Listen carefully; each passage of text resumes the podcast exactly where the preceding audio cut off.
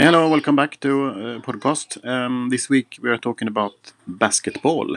Um, always been a big basketball fan and uh, uh, been playing basketball. No, I mean many years ago now, but still still think it's fun. So I was reading about the history of of basketball, and it was apparently came from Victorian England, and Victorian England you may have heard before that's Queen Victoria that was then they called it Victorian.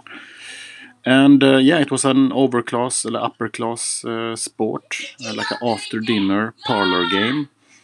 And then uh, British military took it to India, and then uh, yeah, they brought it back, and it was yeah, they didn't have the equipment that they have today. They were more they used books and stuff. I don't know why they use books, but it says here. yeah, and then um, there was uh, yeah um, uh, an American or British maybe a person who discovered the ball, you know, celluloid celluloid balls on a trip to the US, and he thought that would be good for this game. Um, and then, yeah, development happened, you know, uh, over the year, and they became part of the English Tennis Association. Okay. Ah, no, no, no. Okay, this is about table tennis. This is it. But basketball, what was it then? Then okay. Ah, yeah. Well, but basketball is also a very popular sport, and um, I think it must be similar. I mean, it started as upper class uh, playing basketball, and then developed more into um, common people, so to say. So everybody could could play it, not only rich people. Um, and today we can see basketball playing all over the world. I mean, wherever, I mean, what you need to play basketball, you have two people and a ball, or one person and a ball. And the ball can be anything. You can see also on films, you have people sitting at the office just writing something, not happy with what they write, make a ball of the paper, throw it into trash can, and then like simulating basketball.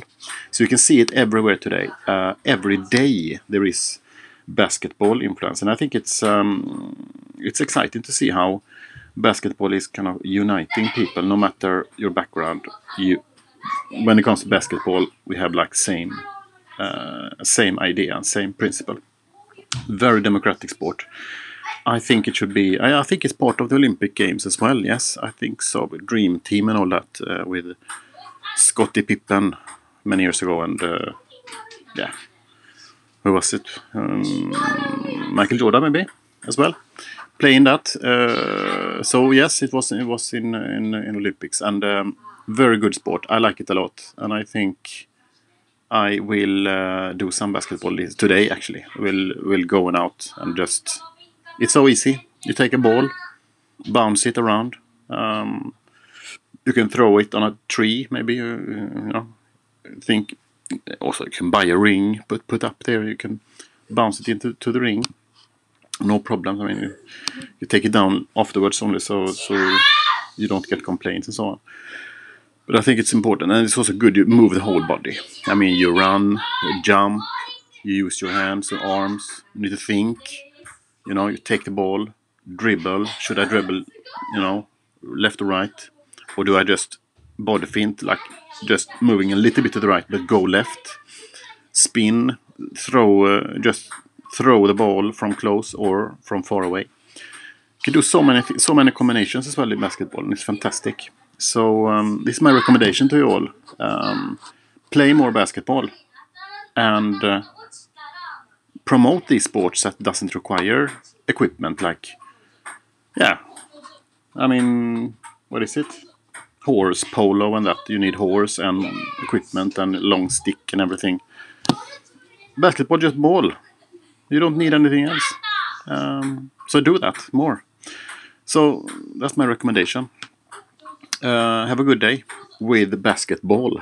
Thank you